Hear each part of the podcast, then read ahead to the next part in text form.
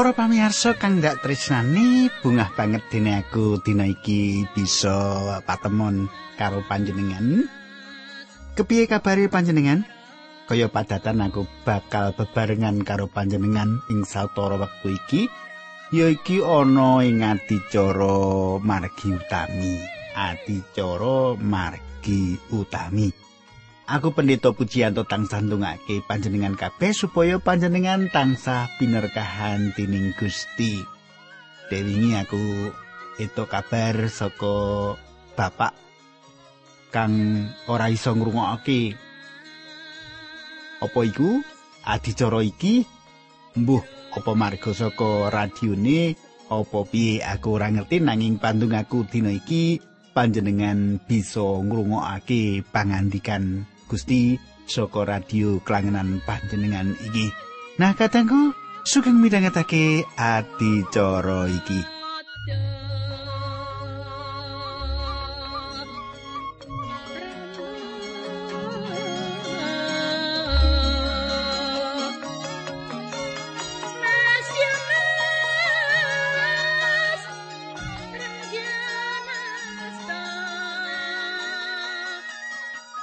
Para pamirsa panjenengan mestine wis ngerti wis kelingan apa sing ndak aturake ing patemon kita kepungkur aku nyritakake menawa Yakub wis tuwa nganti arep ngangkat awake wae wis ora kuat.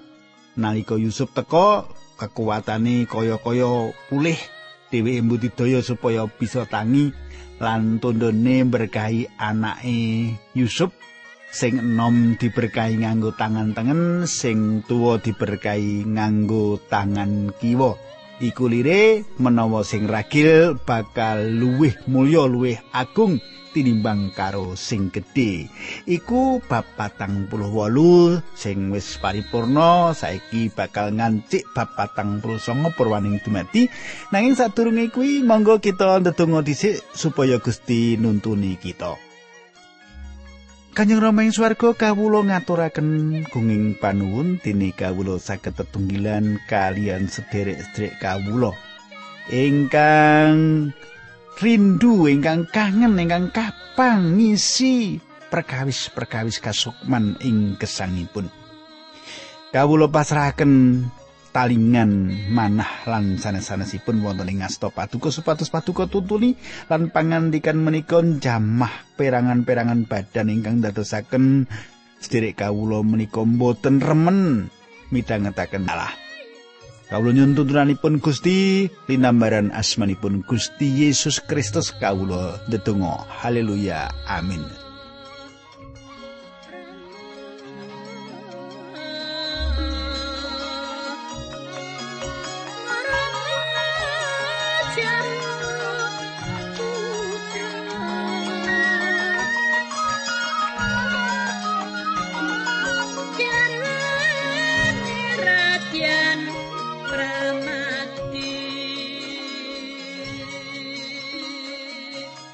Para pamirsa ing pasal patang puluh songo iki purwaning dumati nggambarake katresnane Bapa Yakub marang putra wayahe nalika ngadepi wektu tinimbalan ing pangayunaning pangeran Allah. Rama Yakub mujudake katresnane anggone ngadepi pangayunaning pangeran Gusti Allah. Siji mboko siji ditimbali nyedak nuli ana sing karangkul katumpangan asta lan diberkahi. Berkaing Rama Yakub esmu pameca kanggo mangsa kala sing bakal dumadi sing bakal teka. Nah ing mangsa kala wis sarep kapundhut dening Allah. Pitutur lan wejangi para sepuh mesti dadi kawigaten kanggo para putra wayah piweling-piweling wejangan-wejangan pitutur priyantun sing wasar mati digatekke karo anak putune. Bapa Yakub wis katon tondo-tondone yen arep katimbalan ing sising gerden panggonane sare Bapa Yakub lenggah neteking lantarane ing tekeni disowani putra wayah genti-genten Sawise ketemu karo anak-anak Yusuf kabeh putrane Bapa Yakub mlebu lan padha ngadeg jegrek karo nganti-anti ngubengi Bapa Yakub. Siji-siji genti genten padha ditimbali nyedak marang Bapa Yakub sing wiwitan ditimbali putra sing barep dhisik lan sak terusih mesti wae. Mesti wae apa sing dingendikake Bapa Yakub dadi kawigatene para putra wayah jalaran wejangan sing pungkasan mesti isine samu barang sing adiluhung. Apa-apa sing didhawuhke Bapa Yakub ing pamecan iki saiki wis awujud dadi sejarah bangsa-bangsa ing Timur Tengah. Kita bakal bisa ndeleng wujud kapitayan ing uripe Bapa Yakub. Bapa Yakub ndawake yen ing besuke para putra wayahe ana sing bakal nuwuhake rolas suku ing Israel lan bakal mapan ing tanah Kenaan. Pameco iki ngidap-idapi. Nalika Bapa Yakub ndawake pameco iki isih ana ing Mesir lan nalika semono tanah Kenaan isih di papani dening bangsa-bangsa Kenaan ing jaman semono. Saiki ayo maca perwaning dumadi patang plus ayat siji. Yakub nglumpukake anak-anake lan dikandani padha mreneo cedhak karo aku tak kandani apa sing besok bakal padha kok alami. Katanggu kitab suci beber bola bali. Beber bola bali bab kahanan sing bakal kelakon. Bapa Yakub lagi ngendika bab kahanane para putra wayah sing ing besuke bakal nurunake rolas suku Israel lan bakal kagebeng dadi siji yaiku bangsa Israel. Ana sawijining tesis tulisan ilmiah sesambutan sesambungan karo pameco bab rolas suku Israel iki. Sawetara wis kaleksanan apa sing dadi pameco mau malah dipratelake pamecane Nabi Musa ing buku wilangan telung puluh telu. Wis akeh para ahli sing padha menehi komentar. Menehi keterangan bab pameco mungguing bangsa Israel malah meh saben suku Israel ing pameco uga sak perang diwujudi. Kadangku, ayo kita ndeleng apa pamecane Bapa Yakub sing mrincekake sing beberake ngrungokake kahanane para suku Israel ing mangsa sing bakal kelakon. Ayat loro. Anak-anakku padha rungokno, padha gatekno tembunge Israel bapakmu. Katangku tembunge bapa Yakub iki diucapake dipratelake saka gerden papan sari. Apa bapa Yakub wis ora bisa tangi? Ora. Bapa Yakub Bapa Yakub suminding tekene ora sumarah marang kekuatane kaya ing serat Ibrani ngandhake Ibrani 11 ayat selikur. Merga saka percaya ngarepe sedane Rama Yakub berkahi para putrane Rama Yusuf karo suminding tekene lan saos bekti marang Gusti Allah. Bapa Yakub senajan wis suminding teken nanging anggane ora mumpuni nganggo nyagaki uripe sebab pancen wis sepuh. Purwaning dumadi patang songo ayat telu. Ruben, anakku sing barep, kowe kuwi kekuatanku sing maujud, woh sing kawitan, saka nggonku dadi wong lanang, kowe sing gagah prakoso dhewe ing antarane anak-anakku. Karosanmu persaset banjir bandang nanging burung dadi pembarep mergo kowe ngumpuli bojone bapakmu lan gawe jembere paturonku. Katengku kang ndak tresnani, ana unen-unen ing tanah Israel sing ngandhake sing meratelake ya bapakne ya anake. Tegese sipat lan wewatekane anak ora geseh karo watek lan sipate wong tuane. Ruben duwe wewatekan kaya banyu umup mumbul-mumbul kaya-kaya ora bisa dinepaki. Ruben ora bakal duwe kanugrahan pembarep bakal dadi nomor loro utawa telu ing antarane seduluri. Ruben bakal dipimpin dening salah siji adine. Senadan secara tata lahir sing paling tuwa, Ruben ora sing nomor siji. Yen ana kalodhangan kanggo dadi nomor siji kudu diudi supaya bisa nggayuh mau.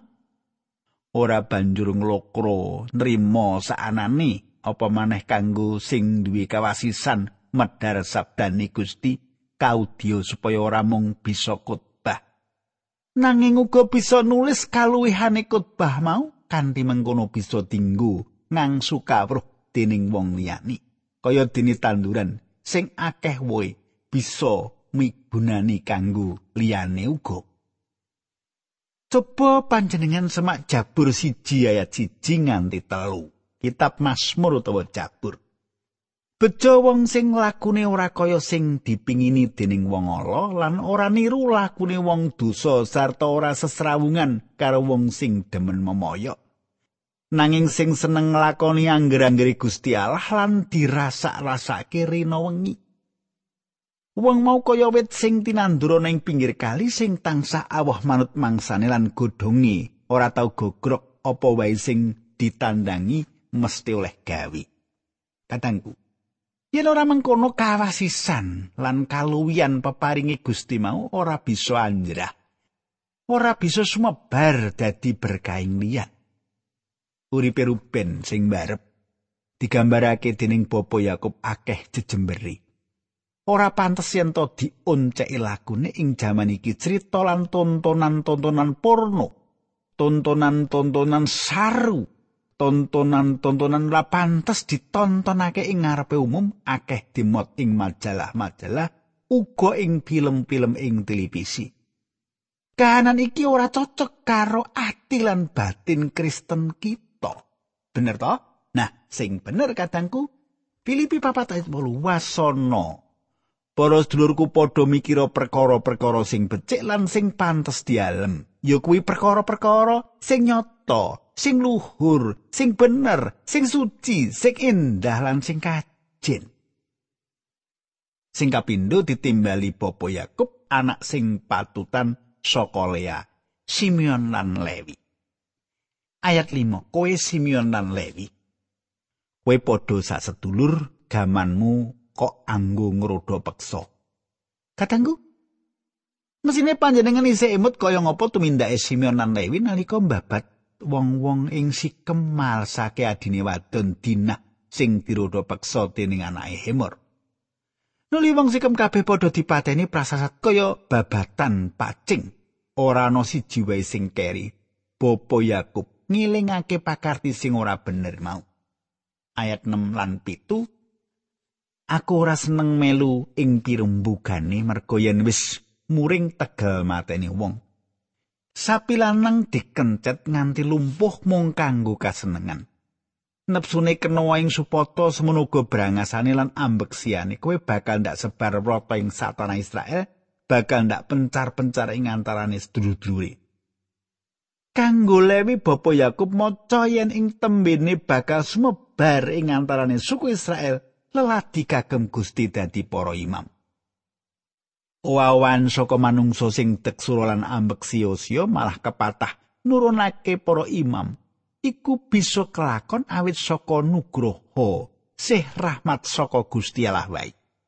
Ora ana kekuatan liya sing bisa nguwai kahanan sing kaya asipat kosok balen kajaba Gusti Allah kang murbing jagat. Yeremia telung puluh siji ayat telung puluh telu telung puluh papat. Ngendikake mangkene. Perjanjian anyar sing bakal ndak damel karo Israel saiki mengkini aku bakal maringake toretku ana ing batini lan ndak serat ana ing atini aku banjur bakal jumeneng dadi alae lan wong-wong mau bakal padha dadi umatku apa maneh wong ora perlu aweh piwulang marang wong Israel liyane kowe padha wanuwa karo pangeran merga saben wong bakal wanuh karo aku ya sing cilik utawa sing gedhe aku bakal ngapura dosane lan kaluputane bakal ora ndak iling-iling meneh.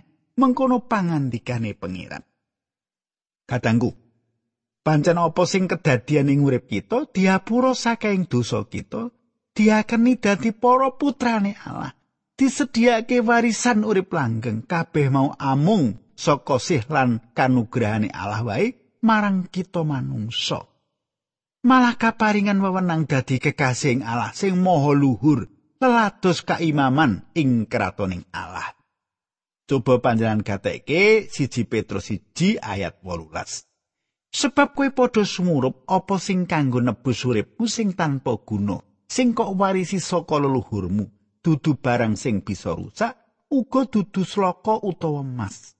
Ayat 19 nanging srana korban sing pengaji banget, ya kuwi Sang Kristus piyambak, kaya dene wedhus sing tanpa cacat lan mulus. Satruse layang Petrus uga nyebutake ngene.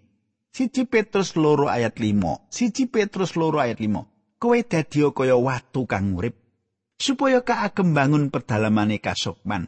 Ana ing pedalaman kuwi kowe dadi imam-imam suci sing leladi nyaosake kurban-kurban rohani sing merga dening Gusti Yesus Kristus katrimah ing Allah. Kadangku, sapa sing kasebut ing ayat iki? Ora liya mung para kagungane sing wis katebus ing raing kang suci, rai Gusti Yesus. Ruben, Simeon lan Lewi padha kelangan kalodangan. Kelangan wewengan dadi nomor wiwitan iku ateges yen para raja besuke ora saka keturunane Ruben, ora saka keturunane Simeon, ora saka keturunane Lewi. Ing antarane putrane Bapa Yakub ana sing uga kagubeting dosa jenenge Yehuda. Nanging Allah paring kanugrahan gedhe marang wong iki, Bapa Yakub meca ngene. Ayat 8. Yehuda. Kowe bakal dialem dening para sedulurmu, kowe bakal mekuk gitok ing mungsuhmu lan sedulur-sedulurmu bakal nungkul marang kowe. Katengku, apa tegese yen sedulur-sedulurmu arep nungkul marang kowe? Jalaran tupedhake Gusti Yesus sing jagat iki lumantar saka tedhak turune Yehuda. Ora mung tedhak turune para sedulure Yehuda, nanging saben manungsa ing mengkone padha sumuyut marang panjenengane juru wilujeng jagat Sang Kristus. Purwaning dumadi patang puluh songo ayat songo, Yehuda kaya anake singa. Sawise mateni mangsane banjur bali menyang pandeliane, ngulet banjur turu. Sapa sing wani nyenggol? Sabanjure pamecane Bapa Yakub ngiram-iramake banget. Ayat 10. Yehuda bakal nyekel panguasane keprabon turune bakal ana sing dadi raja ing salawas-lawase bangsa-bangsa bakal padha saus bulu bekti marang dheweke sarta nyembah lan sujud ana ing ngarepe katangku perangan iki salah sawijining pameca sing luar biasa saka kitab suci ditulis yen sing bakal rawe ing donya iki saka keturunane wong wadon iki pameca sing wiwitan bab rawe Sang Kristus. Purwaning dumadi telu ayat 15 kowe lan wong wadon iki bakal tansah padha memungsuan. Semono turune wong wadon iki lan turunmu, turune wong wadon iki bakal ngremuk endasmu lan kowe bakal ngremuk tungkake kadangku. Sing bakal rawuh iki sing bisa ngremuk endase siula, ya panjenengane iki sing bakal menang saka pakartine si dosa sing maujud arupa ula. Pamaca iki ditulis sing buku Purwaning Dumadi nanging bab tedhak turun sing bakal dadi lantarane tumurune Sang Kristus diteguhake dening Bapa Abraham, Bapa Iskak lan Bapa Yakub. Lah waosan Purwaning Dumadi pasal patang puluh songo iki bakal miyos lelantaran keturunane Yehuda. Sang Kristus sing arep rawuh sing bakal paring kasantosaning jiwa kita. Sang Kristus nalika rawuh lan lelados ing jagat iki ditampik dening para wong Yahudi nanging saka gedene katresnane marang wong-wong mau teman ngendika ngene. Coba panjenengan semak Matius 11 ayat 28 nganti 30. Matius 11 ayat 28 nganti 30 padha mreneo. Kowe sing padha sayah mergo mikul abot kowe bakal ndak parengake ngaso. Dawuhku lakonana lan pituturku gatekno atimu mesti bakal ayem mergo aku iki alus sing budi lan andhap asor. Awit dawuhku kuwi ora angel lan momot aku mau enteng. Katangku panjenengan bakal rawuh ing donya. Sang Kristus dudu mung gustine manungsa nanging uga sing bakal ngrembat panguwasa ing alam donya iki. Panguasane marang jagat iki kaasta dening astane sing kacubles sing paku nalika kesalib. Ing ayat palikur saka pasal iki malah uga njelasake yen panjenengane bakal rawuh kanthi sipate juru pangon lan minangka gunung watune bangsa-bangsa ing buku wilangan 24 ayat 17 nyebutake ngene. Ndak deleng Israel ing besuke ana raja saka Israel miyose kaya lintang muncule padang cahyani panggedine bangsa Moab ditelokake bangsa Set dikalahake. Iki tulisane wilangan 24 ayat 17. Katengku, coba ayo padha kita penggalih kanthi wening. Wis sak mestine yen kita rumangsa mongkok lan mantep dene keparingan pepadang saka kitab suci iki. Yen satemene Gusti Yesus Kristus iku rawuh paring kasantosaning jiwa. Raja sing bakal ngasta pangmasa ing salawase. Nanging panjenengane uga juru pangon sejati sing masrahake gesangi kanggo kita para wong dosa. Panjenengane uga watu kanggo pangungsen kita yen lagi ngadepi bebaya. Watu sing dibuang dening para tukang sing dadi tetales. Panjenengane iku lintang sumunar kang nelahi urip kita. Panjenengane uga tedhake Adam lelantaran Set banjur temeka bapa Nuh lan bapa Sem. Terus tumuju marang bapa Abraham, bapa Ishak lan bapa Yakub. Saka bapa Yakub saiki tumedhak marang keturunane Yehuda nganti tumekane saiki panjenengane Allah sing Maha Kuwasa terus tumindak ing jagat iki kaya sing wis diwecake dening para abdine sing pinilih. Panjenengane Allah sing maha kuwasa terus makarya ing donya iki, kaya sing diwecake dening para abdine sing pinilih. Mulane sumangga kita tansah ngatekake apa sing didhawuhake kitab suci marang kita. Purwaning dumadi patang puluh ayat 11 nganti rolas. Wit anggur sing becik dhewe dinggo nyancang kul dini panganggone dikumbah ing anggur sing abangi kaya getih. Mripate mbranang ayat 12. Mripate mbranang merga ngombe anggur, untune putih merga ngombe susu. Katengku, sapa sing ditulis sing waca iki? Panjenengane Gusti Yesus Kristus sing rawuh nitih kul dinalika mlebu kutha Yerusalem kang kepareng nguwuh-nguwuh yen panjenengan iki juru wilujenge jagat. Juru wilujenge manungsa sing dosa. panjenengane bakal ngumbah jubahe karo anggur anggur sing kepriye? Anggur sing dadi pralambangi rai pribadi. Nanging nalika panjenengane rawuh sing kangaping pindho digambarake yen ngagem jubah rupa abang getih mratelake yen kabeh mengsae kabeh mungsi wis padha kasoran ing ngarsane. Coba saiki panjenengan buka Yesaya 23 ayat loro telu Yesaya sedak telu ayat loro telu mangkene surasane yo kire panjenengane ngagem-ageman abang beranang kaya sandangan sing dianggo dening tukang ngiles woh anggur digawe umben-umben. Pangandikane pangeran bangsa-bangsa wis ndak ida-ida kaya woh lan ora ana wong sing ngrewangi aku padha ndak ida-ida sajroning dukaku lan getihe ngupaya agemanku. Abang saka getihe para bangsa sing memungsuhi panjenengane uga pameca sak teruse ngiram-iramake apa kang bakal kelakon? Purwaning dumadi patang puluh songo ayat telulas nganti limolas. Jebolan bakal manggon ing pinggiring segara prau-prau bakal padha labuh ing pelabuhane wilayahe jembare bakal tekan tapel watese sidon. Isakar kaya kuldi sing rasa nglemprak ing antarané karung-karung momotan.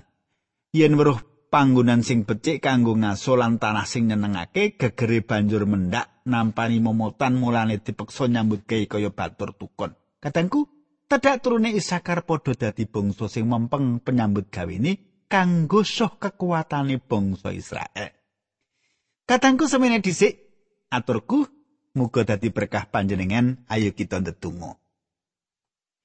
Matur nuwun sanget Gusti Yesus kawula sampun sinau saking kitab suci ingkang meratelaken sejarah ngantos panjenengan rawuh. Kawula nyuwun tuntunan kegiatan paduka Gusti supados kawula dados panderek paduka ingkang saestu estu tigen ngabekti paduka awit namung paduka ingkang dados juru wilujengipun jagat menika. Matur nuwun linambaran asmanipun Gusti Yesus kawula ndedonga. Haleluya. Amin.